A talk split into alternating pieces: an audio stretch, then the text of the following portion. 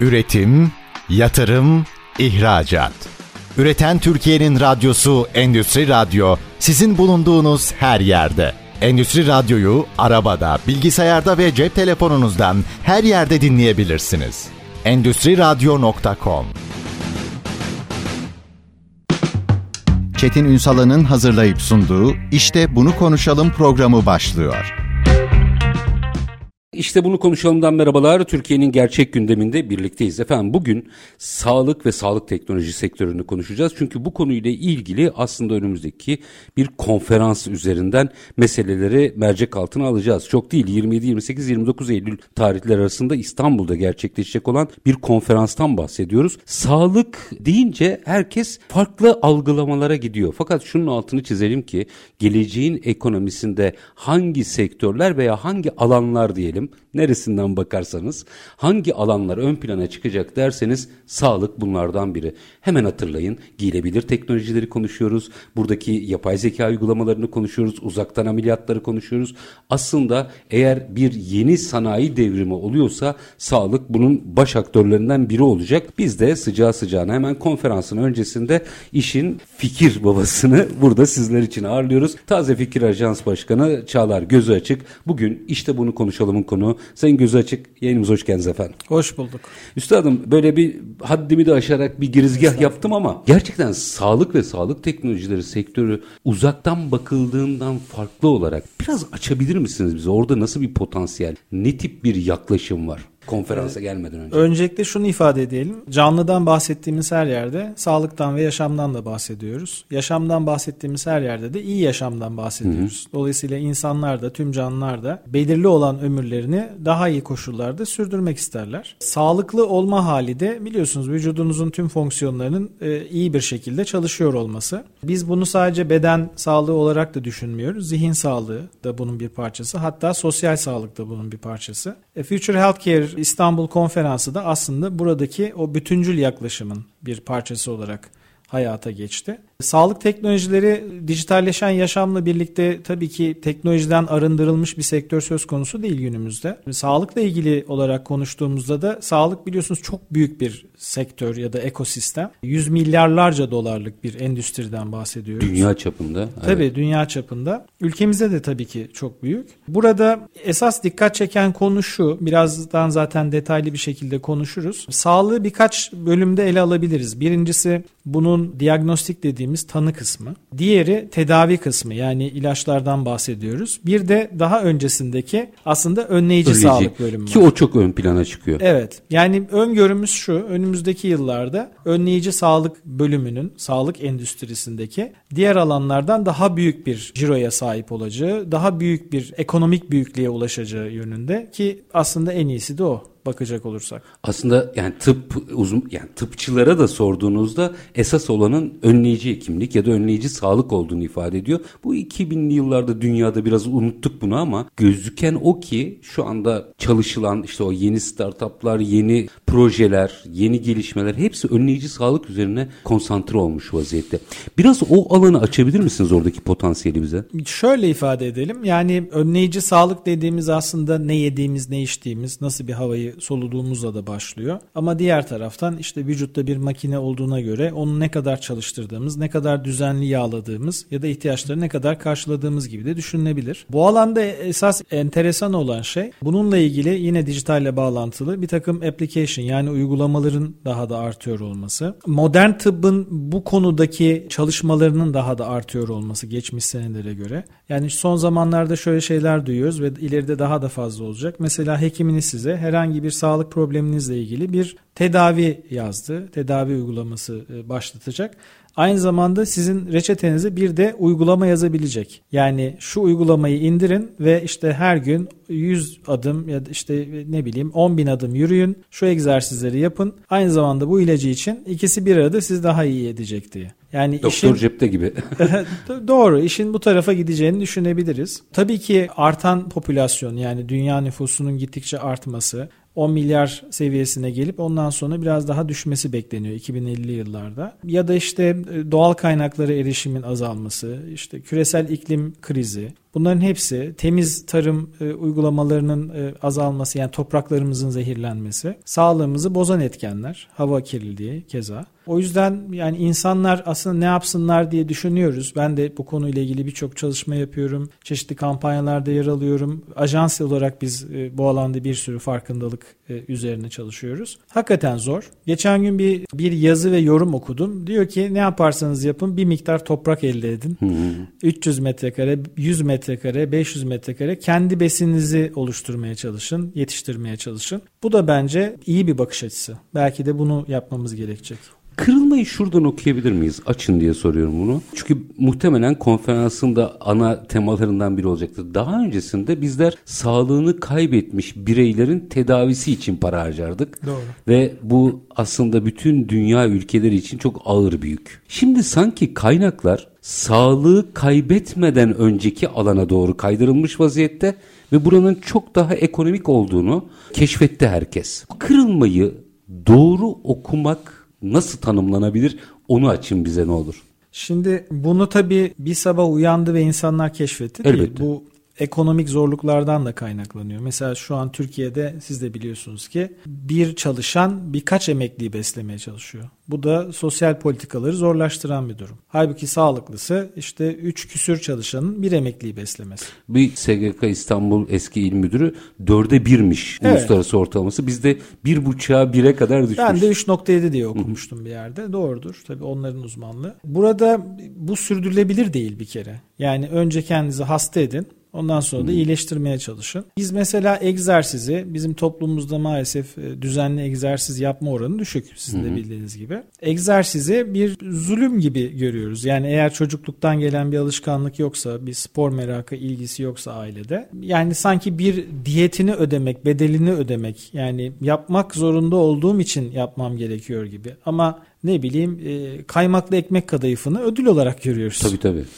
E, dolayısıyla buradaki dengeyi bağı kurmamız gerekiyor öncelikle. Yani oradaki önleyici sağlık dediğimiz konulardan biri bu. Fakat e, çok fazla e, afetle karşı karşıyayız şu an doğal afetle ve biz bunu biz kendimiz tercih ettik maalesef insanlık olarak. Yani orman yangını olan bir bölgeye yakın yaşayıp her gün 5 kilometre yürüyorum sağlıklıyım diyemezsiniz artık bu saatten sonra. Çünkü onun külleri sizin bütün yediğiniz içtiğiniz işte uyuduğunuz, soluduğunuz sirayet havaya sirayet ediyor. Evet. Ya da ne bileyim kirletilmiş denizlerden, plastik atıklarla kirletilmiş denizlerden mikroplastikler yiyen balıkları tüketerek "Aa ben sağlıklı besleniyorum çünkü balık yiyorum." deme şansınız artık maalesef eskisi kadar yok. Dolayısıyla ekosistemi insanın da dahil olduğu ama insanın müdahalesinin daha az olduğunda daha sağlıklı olacak bir yapı olarak düşünürsek kendimizi iyi etmek istiyorsak biraz dünyayı da iyi etmemiz gerekiyor. Yani biraz iklim kriziyle birlikte okumak lazım bütün bu gelişmeleri. Bütün makro trendlerle birlikte okumak Hı-hı. lazım. Nüfusun artışı, insan ömrünün uzaması,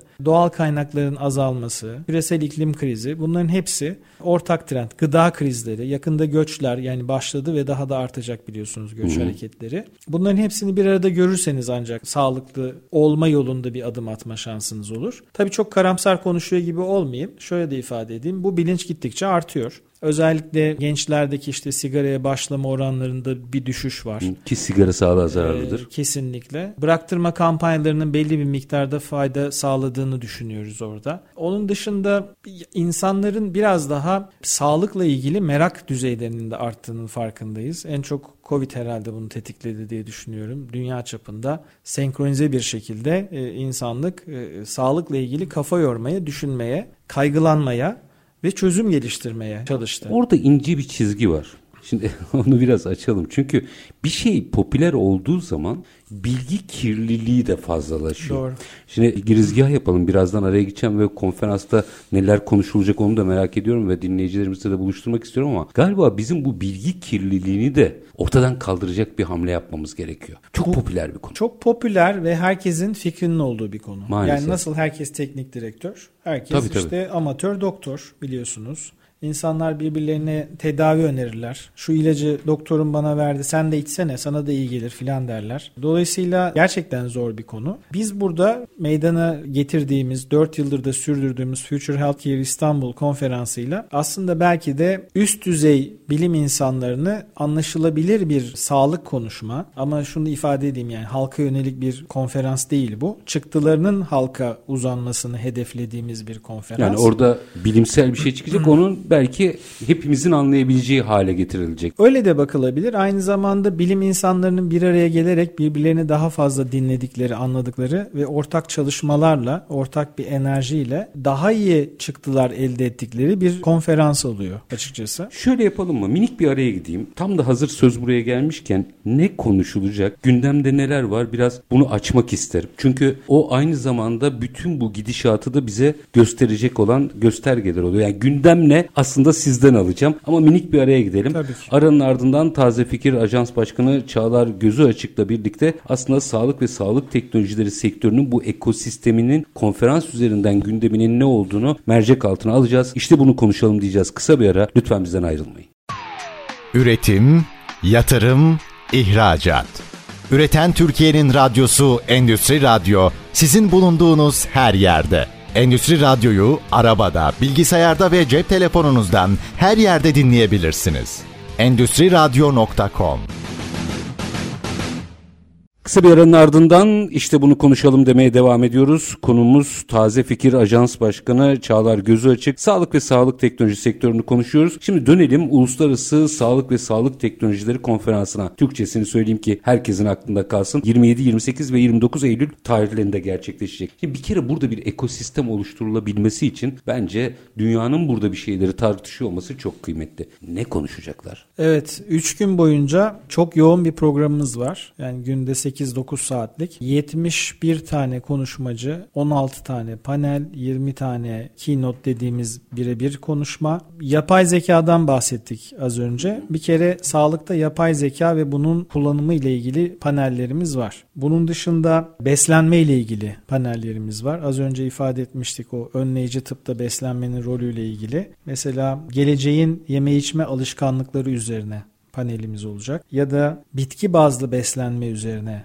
panellerimiz olacak. Yenilikçi teknolojilerin sağlık sisteminin etkisi üzerine bir panelimiz var. Biliyorsunuz Şubat ayında bir milli felaket yaşadık deprem. Doğal afetlerde sağlıkçıların yanındaki teknolojilerle ilgili yani bu konuda daha iyi sağlık müdahalelerini nasıl yapabiliriz üzerine bu seneye özel yine bir panelimiz Hoşmuş var. Hoşmuş bu konu. Evet Profesör Doktor Gürkan Ersoy 9 Eylül Üniversitesi'nden kendisi bu konu üzerine çalışıyor. Acil tıp uzmanı. Deprem veya afetlerde mesela hiç fazla konuşulmayan konulardan biri bu. Teknolojiye her alanda ihtiyacımız var. Hı hı. Sizin de bildiğiniz gibi. Sağlık konusunda özellikle durmak istiyoruz. Burada afetler aslında tek tip değil biliyorsunuz. Yangınlar da afet, sel baskınları da depremde, erozyon da afet. Burada teknolojiden yararlanarak insanlara daha hızlı müdahaleler nasıl gerçekleştirilebilir? Yaşamsal bulguları ile ilgili daha hızlı dokunuşlar nasıl yapılabilir? Buna kafa yoran branşlar var, çalışmalar var. Şunu ifade edeyim belki ilginç gelecek size. Geçtiğimiz yıllarda da uzay tıbbı üzerine konuşmalarımız olmuştu. Hatta Nobel'i veren Karolinska Enstitüsü var Hı-hı. İsveç'te. Hı-hı. Onun direktörünü davet ettik konuşmacımız olarak. Kendisi İsveç Uzay Ajansı'nın da başkanı aynı zamanda. Aynı zamanda uzay tıbbı üzerine ve aslında uzay tıbbının bize öğrettikleri üzerine bir oturum gerçekleştirdi. Çıktılar yani değil ve mi? çok çok faydalandık bundan. Biliyorsunuz uzay teknolojileri aynı zamanda başka alanlarda da öncü roller üstleniyor. Aynı zamanda transhümanizm konusu var. Yani dijitalleşen insan ve insanlığın geleceği üzerine yine düşüncelerin paylaşıldığı panellerimiz olacak. Biraz fütüristik tarafı da var yani. Işin. A Future Healthcare diyoruz. Hı-hı. Yani adı üstünde geleceğin sağlığıyla ilgili bir panel olduğu için ve biz şuna dikkat etmek etmeye çalışıyoruz. Konuşmacı uzmanlarımıza, hepsi hekim değil bu arada konuşmacılarımızın ya da panel yöneticilerimizin. Bu konferansın en farklı tarafı da o yani ifade etmek gerekirse iletişimci gözüyle hazırlanan bir sağlık ve sağlık teknolojileri programından bahsediyoruz. O yüzden biz aslında bir alanda uzmanlaşmış birinin gözüyle değil, pek çok alandaki uzmanlaşmış insanların birbirleriyle olan sinerjisi ve ortaya koydukları enerjiyi oluşturan bir konferans düzenlemeye çalışıyoruz. Bahsettiğiniz ekosistemin bu bu disiplinler arası ahenkle mi ortaya çıkacağını düşünüyorsunuz? Her disiplinin birbirine kattıkları ve katacakları var. kuşkusuz. Yani teknolojiyle tıbbı beraber çalıştırırsanız daha iyi bir EKG cihazı elde edersiniz hı hı. ya da daha iyi bir görüntüleme ya da daha iyi bir tedavi geliştirebilirsiniz ya da işte uygulamalar oluşturursunuz. Yapay zeka işte tanı konulmasında mesela insanı geçti. Radyolojik e, alanda özellikle şeyi, kesinliği, keskinliği normal bir insanın bakışının üstünde şu an. En çok oradan başladı. Radyoloji alanından başladı yapay zekanın kullanımı. Gittikçe de artacak bu alan. Mesela bizim ajansımızda Metaverse'ü yine kullanarak sağlık eğitimini nasıl gerçekleştirebileceğimizle ilgili çeşitli projelerimiz var. Hatta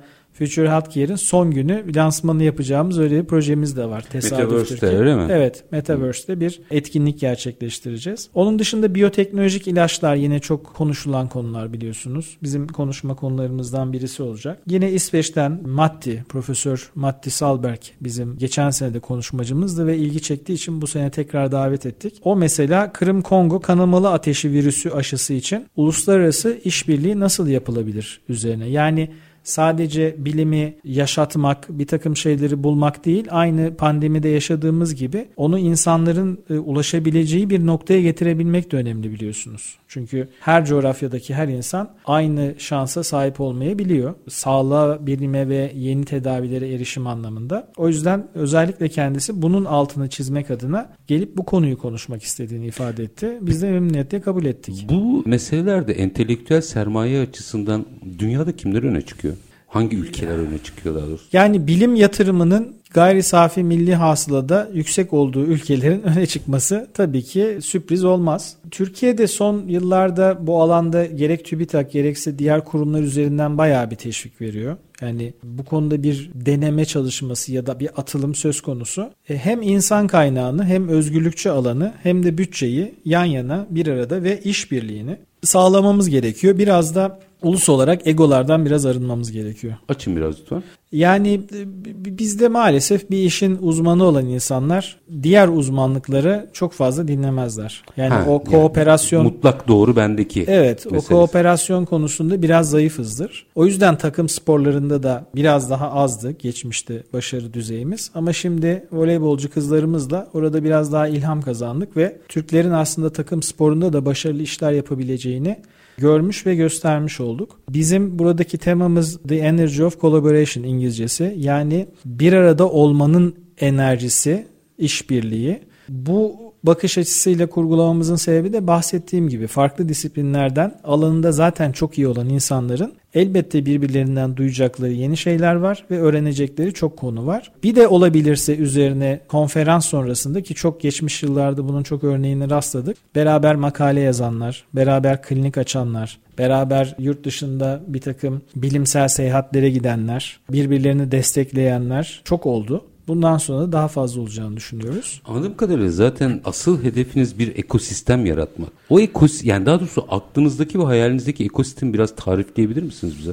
Yani ekosistem yaratmak tabii çok iddialı olur. O bizim haddimize değil. Ama mevcut ekosistem içerisinde farklı bir bakış açısıyla insanları bir araya getirebilmek, sadece bilim değil, teknoloji, gelecek, trendler ve bunun ötesindeki iş birlikteliklerinin nasıl olabileceği üzerine düşündürmek istiyoruz. En azından yılda 3 gün, 4 gün. Hayalimizdeki derken tabii ki hani şöyle bir şey söyleyemem. Yani insanoğlunun 120 sene yaşayabileceği öngörülüyor. Hadi hepimiz 120 sene sene yaşayalım desek dünyanın taşıyamayacağı bir yük ortaya çıkar. Dolayısıyla yani benim bireysel hayalim herkesin çok uzun yaşadığı, kimsenin ölmediği bir dünya değil. Sağlıklı yaşadığı bir dünya. E, yaşayacağımız süreyi daha sağlıklı, kimseye muhtaç olmadan, kimseye zarar vermeden doğayı ve dengeyi koruyarak, hakkını vererek yaşamamız ve üretken bir şekilde yaşamamız. Benim hayalim bu. Geçmiş yıllarda Future Healthcare'de konferans çıkışlarında şöyle sahneleri biz çok yaşadık. Tıp fakültesi son sınıf öğrencileri mesela gelmişler konferansa. En son işte ben onlara diyorum ki çocuklar lütfen yurt dışına gitmeyin. Lütfen burada kalın. Bakın Türkiye'de de güzel şeyler oluyor. Burada duyduğunuz, dinlediğiniz insanlarla işbirliği yapın. Onların gidin laboratuvarlarında çalışın. Farklı alanlarda iş e, imkanları olduğunu gördüğünüzü tahmin ediyorum diye bir ikna çabası var. Ama en iyi ikna çabası ortaya koyduğunuz iştir, üretimdir.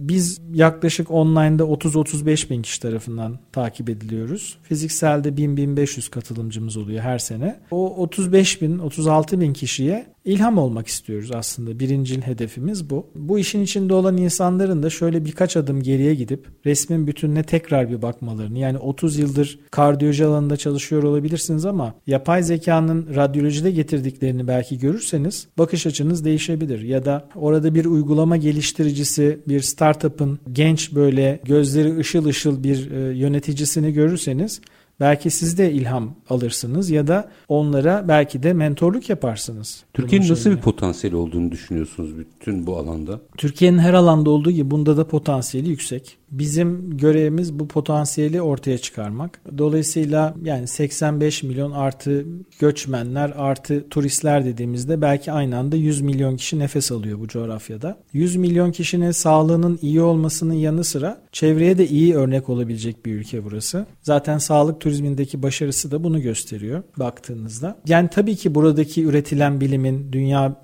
bilimi içerisinde sıralamada daha da yukarılara çıkmasını hepimiz istiyoruz. Elbette. Aynı zamanda hekimlerimizin dövülmediği, sövülmediği bir ülke istiyoruz. Yani bir taraftan da bu konferansı konuşurken acil serviste işkence ediyorsanız sağlık profesyonellerinize durmuyor. Durmuyor geçin bu insani bir şey değil. Hı hı. Yani kimsenin bunu yapmaya hakkı yok kimseye. Gidip avukatı dövmüyorsanız işte hekimi de dövemezsiniz yani. Yani de hiç kimseye böyle bir şey yapamazsınız. Zaten kimseyi dövemezsiniz o ayrı konu. Evet. Dolayısıyla büyük bir potansiyeli var. İşte Covid aşısını bulanların Türk olması, Aziz Sancar'ın Türkiye'den yetişmiş bir insan olması gibi bir sürü örnek var. Daha da fazlaları olacaktır. Biraz daha hedefini hedefi belli. Yani her ne kadar multidisipliner çalışmalar da yürütse insanlar hedefi belli bir takım işler yapabilmeleri anlamında ilham verebileceğini düşünüyoruz biz Future Healthcare'in. Yani siz aslında burada ilham yaratacak bir takım örnekleri ortaya koyuyorsunuz. Dünyadan da uzmanlar meseleyi bu ekosistem içerisinde veya bu platformda tartıştığında diyorsunuz ki buradakiler belki farklı bakabilirler meseleye. Dünyadaki insanların da bizden bir farkı yok. Yani hani bir Amerika'da ya da Çin'de bilim yapan insanların belki bulundukları ortam itibariyle daha fazla fon alıyor olabilirler. Daha çok çalışıyor olabilirler. Daha büyük bir rekabetin içerisinden gelmiş olabilirler. O konuda bir problem yok. Problem sınırlar hep zihindedir. Yani ben buna inanırım. O zihindeki sınırı biz biraz kaldırmak için uğraşıyoruz aslında Future Healthcare'le. Peki oradaki zihni, oradaki gelişmeleri izleyen, kullanan değil de katkı veren ekosistemi de birazcık açmak istiyorum. Şimdi minik bir araya gideceğim. Özellikle ben Türkiye'deki startup ekosisteminin bu alanda çok büyük bir potansiyeli olabileceğini düşünüyorum. Orayı biraz açalım. Ayrıca Tabii. konuşalım istiyorum. Ama minik bir ara. Aranın ardından Taze Fikir Ajans Başkanı Çağlar Gözü Açık'la sağlık ve sağlık teknolojileri sektörünü hem de konferansın konuları üzerinden konuşmaya devam edeceğiz. Lütfen bizden ayrılmayın. Üretim, yatırım, ihracat. Üreten Türkiye'nin radyosu Endüstri Radyo sizin bulunduğunuz her yerde. Endüstri Radyo'yu arabada, bilgisayarda ve cep telefonunuzdan her yerde dinleyebilirsiniz. Endüstri Radyo.com Kısa bir aranın ardından işte bunu konuşalım demeye devam ediyoruz efendim. Konuğumuz Taze Fikir Ajans Başkanı Çağlar Gözü Açık. Sağlık ve sağlık teknolojileri sektörünü konuşuyoruz. Geldik madem ekosistem konuşuyoruz. Dünyada farklı farklı konu başlıklarında bu alanda büyük potansiyel görüyoruz. Bir tarafta da zaten ben şunu inanıyorum bilmiyorum katılıyor musunuz? Dördüncü sanayi devrimi bize uygun geldi. Çünkü Hı-hı. sorun çözmek üzerine. Ve biz yapımız gereği zaten sorunlarla yaşadığımız için çözmeye birazcık alışığız. Sadece disiplinler arasında bir organizasyon yapamıyoruz. Burada startup ekosistemini birazcık mercek altına almak istiyorum. Çünkü sağlık teknolojileri alanında bence kırılmayı startuplar yapacak. Burada da aslında geleneksel sektörlerde faaliyet gösterenlerin biraz buraya ilintilenmesini, onları desteklemesi gerektiği kanaati var bende. Doğru. Bunu yapanlardan birisiniz. Bu açıdan aslında bunu biraz açmanızı rica edeceğim. Startup ekosisteminde birincisi bu alanda ne görüyorsunuz? İkincisi Madem bir startup'a da yatırım yapmış bir aslında melek yatırımcı olarak o ilişkilerin nasıl sağlıklı yürütülmesi gerekiyor? Şimdi tabii çok geniş bir konu yine. Sağlık, sağlık teknolojileri gibi. Startup'ta şöyle bir şey var. Birincisi Türk insanı biraz hayalperesttir sizin de bildiğiniz gibi. Ama iki söze inanırım ben. Bir, bir tanesi neden sorusu. O sizi bilgiye götürür. İkincisi de neden olmasın. O da sizi yaratıcılık ve çözüme götürür. Startup'ta temelde çıkış noktası nedir? Karşılanmayan bir ihtiyaç görürsünüz, bulursunuz ya da başınızdan geçer. Genelde hı hı. startupların kurucuları hep şöyle anlatır işte. Bir gün teyzem kalp krizi geçirdi ve ben kendimi çaresiz hissettim. O yüzden de bunu geliştirdim. Vaka üzerine gider çoğu. Tabii yani hayatlarındaki bir hikaye. Biraz da hikayeleştirme de etkilidir. Yani o teyze belki o günlerde başından böyle bir şey geçmedi ama yine de böyle anlatmak insanlara daha kolay geliyor. Startup konusuna gelince dediğim gibi o karşılanmamış ihtiyaç, onu nasıl çözümlediğiniz, ortaya koyduğunuz çözümün pratik olması, çoklanabilir olması yani herkes tarafından ya da hedef kitleniz tarafından uygulanabilir olması önemli. Şimdi Türkiye'deki sağlık startup ekosistemindeki artıları ve eksileri konuşalım isterseniz. Lütfen.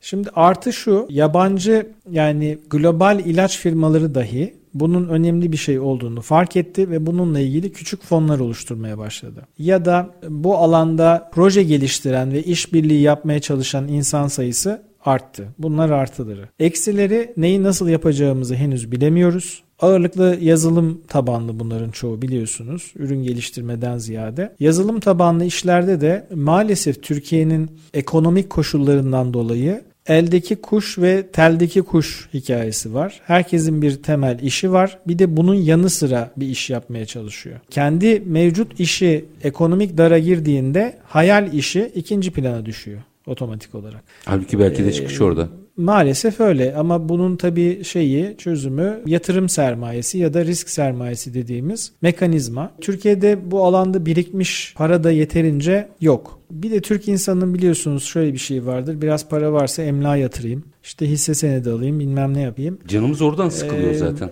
Evet Asıl yani yatırım yapmak böyle lazım. bir bilimsel ya da böyle bir e, insani bir e, ihtiyacı çözümlemeye çalışan insanlara yatırayım. Hatta 20 tanesini yatırayım. Belki onlardan bir tanesi çok başarılı olsun ve zaten koyduğum parayı kat be kat kazanayım olması gerekiyor bence. Ben açıkçası böyle yaptım. Bir taraftan da scale yani büyüklük meselesi var. Şimdi siz diyelim ki inme ile ilgili bir uygulama geliştirdiniz. İnmeyi önceden işte tespit edebilen var böyle çalışmalar bu arada. Var var. Burada şey da ağırladık biz. Ortaya e, koydunuz. E, Türkiye'deki inme sayısına bakmanız gerekiyor ya bunu ölçekleyebilmeniz için. E şimdi Amerika gibi pazarlarda ya da Çin gibi pazarlarda rakamlar daha büyük, harcanılan bütçe daha fazla. Dolayısıyla böyle bir çözümü olan ihtiyaç biraz daha belki akut, daha acil. Ama bizde Başka metotlarla bunu çözümleme gayretleri olabilir, bütçesel problemler olabilir. Şeyle sermaye ile fikrin bir araya gelişinde problem var. Yani o köprüde problem var. Teknoparklar bunu yapmaya çalışıyor biliyorsunuz Hı-hı. üniversitelerin Hı-hı. himayelerinde. Aslında benim en büyük hayallerimden biri de Future Healthcare İstanbul'un içerisinde bu buluşmayı da gerçekleştirebilmek. Yani risk sermayesiyle oradaki startupları buluşturabilmek. Fakat şöyle de bir problem yaşıyoruz. Biz Future Healthcare'de startupları çok kucak açan, onlara sahne veren, konuşmalarını daha fazla e, kendilerini göstermelerini isteyen bir platformuz. Hatta geçen sene Start Me Up diye özel bir bölüm yaptık. Yani yarım günlük bir e, sahne verdik. Reaksiyon nasıldı? Gayet iyi. Fakat bu sene aynı sahneyi dolduracak son bir sene içerisinde gelişmiş ve ortaya ürün koyabilen startup bulamadık. Yani bu çok önemli bir uyarı. Böyle bir problem var. Yani fikir var ama ortaya işi koyamıyorsunuz ya da gelir modelini tamamlayamıyorsunuz. E, gelir modeli olmayan bir işe de kimse yatırım yapmak istemiyor haliyle.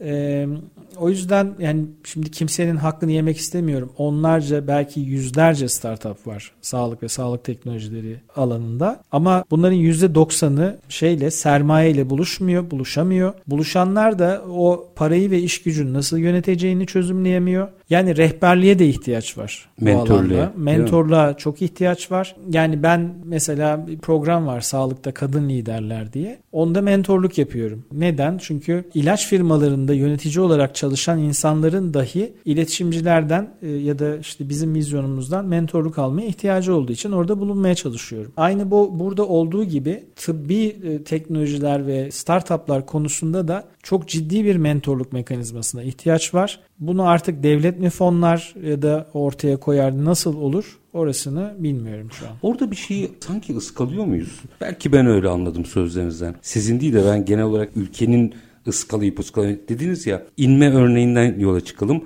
Türkiye'deki işte o vaka oranları belki oraya yatırım yapma tam da burada hata yapmıyor muyuz? Startup ekosisteminde aslında yapılan şey dünya ölçeğinde olması lazım. Doğru. Biz çok mu domestik e, iç pazara yönelik meseleyi ele alıyoruz?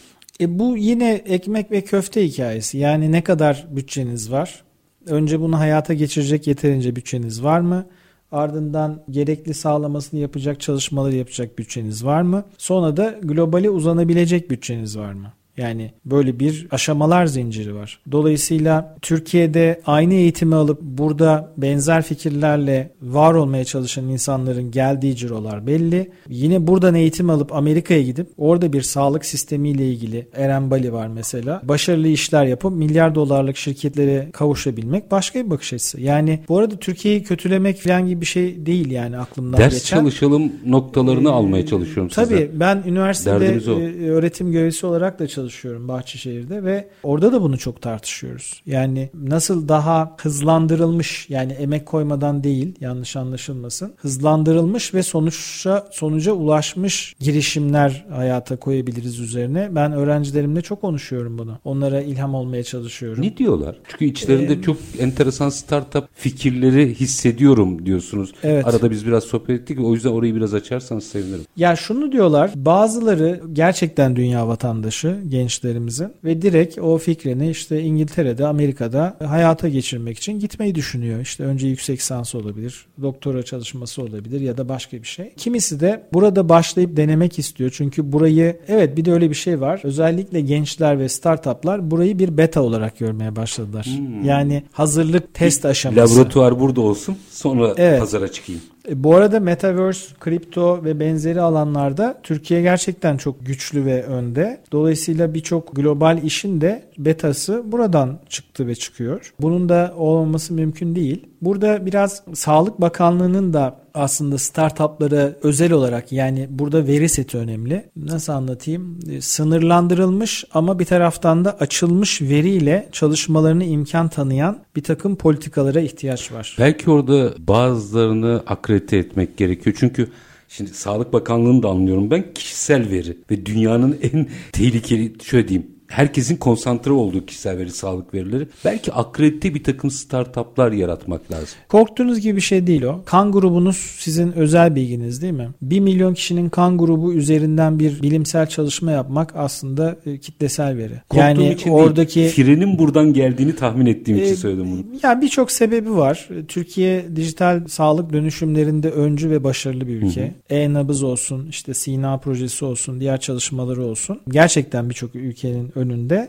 Ama işte her şeyi ben yapayım anlayışı da var açıkçası bürokraside. Orada da tıkanıyor ee, işte. Ee, evet yani startuplara da biraz alan tanıyacaksın. Mesela işte ben benim bir şapkamda Yapay Zeka Teknoloji Derneği'nin genel sekreteriyim ben. Orada da en çok konuştuğumuz şey yapay zeka denilen şey veri setiyle çalışır. Yani bir kaynak olması lazım ortada. E şimdi veri seti sağlıkta işte insan verisidir. Hı hı. Kimisi MR görüntüsüdür, kimisi işte röntgendir, kimisi kan grubudur, kimisi işte doku analizidir vesaire. Yani kişinin kim olduğu önemli değil. Oradaki verisi önemli tabii, aslında. Tabii. Bütün mesele o. Tabii. Yani buna erişimle ilgili bence çeşitli alanlar tanınabilir. Belki çok detayda da veriyordur. Hani o kadar işin uzmanı olmadığım için büyük konuşmayayım. Biraz daha bunun yaygınlaşabilmesi için bir risk ve girişim sermayesinin startuplarla buluşmasına gerçekten destek vermemiz lazım. Çünkü şu an cari açığı desteklemek için konuşulan ilk konuşulan konu ne? Katma değerli ihracat değil mi? O da buradan geçiyor zaten. Evet. Katma değerli ihracat da buralardan gelir. Ya, şimdi belki bunlar zaman içerisinde fonlar haline de gelebilir ama çok özel değilse soracağım bunu.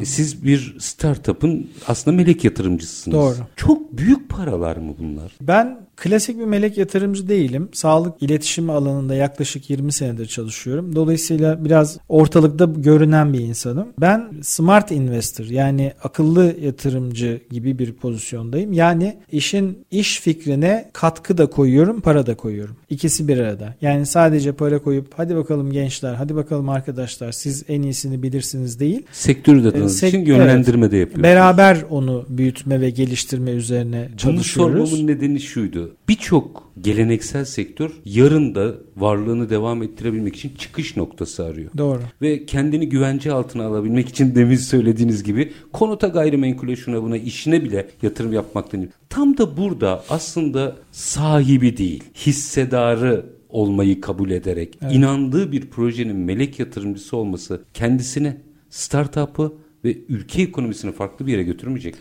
Kesinlikle. Bana sorarsanız e, en orta ölçekli poliklinik sahibinin bile sağlıklı bir startup'ın olması lazım. Yani geçen gün halı ile ilgili bir web sitesi gördüm. İşte el dokuması halıları pazarlamak için bir işte site oluşturmuşlar. Halı dediğiniz şey hani dokunursunuz, bakarsınız, yere serersiniz. Online'dan çok halı alma gibi bir alışkanlık yok. Endüstriyel olandan bahsetmiyorum. Yani mesela asli işiniz diyelim ki işte tahlil laboratuvarınız var. 5 tane şubesi var. E neden bunun dijitalize versiyonu üzerine startup'ınız olmasın? Ya da böyle bir startup'la bir araya gelip birlikte bir şeyler yapmayasınız değil mi? E işte orada e, sağlık yazılımlarının biraz işte globalden gelmesi, işte onun mutlak doğruluğuna kabul görmesi diyebiliriz. Biraz rahatçılık. Evet rahatçılık ya da işte sonrası üzerine belki çok kafa yormamak olabilir. E bir de ikinci, üçüncü nesillere de biraz bu alanlarda iş düşüyor. Yani aileden gelen bir takım Hı-hı. sağlık yatırımı olan insanlara. Ya çok büyük hastane gruplarının da böyle startupları yok. Hadi, Ki olmalı. Evet mahalle arası klinikleri geçtim. Kesinlikle olmalı ve belki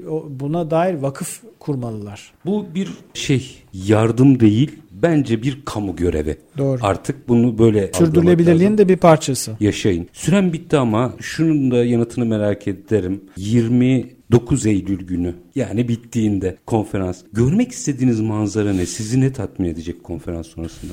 Birincisi ilk 3 senede yaptığımızın biraz daha üzerine koymuş olabilmeyi arzu ediyoruz. Hazırlamış olduğumuz programla bunu yapmaya çalıştık. Yani bu programın oluşması yaklaşık 6 ay sürdü. Önce bir danışma komitesi belirledik. O danışma komitesindeki insanlarla birebir görüşmeler yaptık. Senenin temasını belirledik. İşte beraber olmanın enerjisi, bir arada olmanın ve çalışmanın. Ondan sonra danışma komitesini ortak toplantıya davet ettik. Orada yine isimler ve konular üzerine değerlendirmelerde bulunduk. Sonrasındaki sonrasında da konuşmacılarımıza dedik ki lütfen daha önce konuşmadığınız, çok tüketmediğiniz, hatta sizin de öğrenmek zorunda kalacağınız bilimsel doğrularınızı belli bir noktada sorgulamak ya da geliştirme ihtiyacı duyacağınız konularda konuşmaları belirleyiniz. Sadece hani konfor alanınızdaki konularla ilgili konuşma yapın demedik. Premier, bir nevi premier konuşmalar hı hı. var birçok. Yani hedefim aslında birincisi tabii ki gençler. Yani ben de kendimi genç olarak görüyorum ama bizden gençler diyelim. Bizden genç olan insanlara ilham vermek. Bu ülkeyle olan ve bu sektör sektörle olan bağlarını kuvvetlendirmek. Varsa bir istedikleri, talepleri onları duymak, dinlemek ve bunu her şeyi tabii ki bizler çözemeyiz ama çözme kuvveti ve pozisyonu olan insanlarla da belki buluşturabilmek gibi hayallerimiz ve düşüncelerimiz var. Sonuçların da almak isterim sonra. Umarım. Taze Fikir Ajans Başkanı Çağlar Göz Açık. Çok çok teşekkür ediyorum. Ben teşekkür Bence ederim. Bence Türkiye'nin bu alanı çok fazla konuşması gerekiyor. Bütün aklımıza gelen geleneksel sektörün sağlık ve sağlık teknolojileri ilgili bence bir fikrinin, bir yatkınlığının olması gerekiyor. Çünkü gelecek anlaşılan o ki lokomotif sektörlerden biri olmaya devam evet. edecek ve buradan şekillenecek. Çok çok teşekkür ederim. Ben teşekkür ederim. Var olunuz. Efendim biz bugün sağlık ve sağlık teknolojileri sektörünü The Future Healthcare İstanbul 2023 konferansı üzerinden yani veya Uluslararası Sağlık ve Sağlık Teknolojileri konferansı üzerinden sizler için değerlendirdik. Bu alan önümüzdeki en az 50 yıl konuşacağımız bir alan. Sadece bugün değil. Çünkü bütün üretimler, bütün aslında ekonomiler, kaynaklar buraya doğru yöneliyor. Buraya mercek tutmak, burayı mutlaka destekleyecek, hala hazırda yaptığınız geleneksel bir iş varsa buraya adapte edebilecek farklılıklar aramak durumundayız. Onun da yolu aslında bu konudaki startupları biraz göz atmaktan geçiyor. Onu da dipnot olarak verelim. Biz detayları Taze Fikir Ajans Başkanı Çağlar Gözü Açık'la sizler için konuştuk. Her zamanki gibi bitirelim. İşinizi konuşun, işinizle konuşun. Sonra gelin işte bunu konuşalım. Hoşçakalın efendim.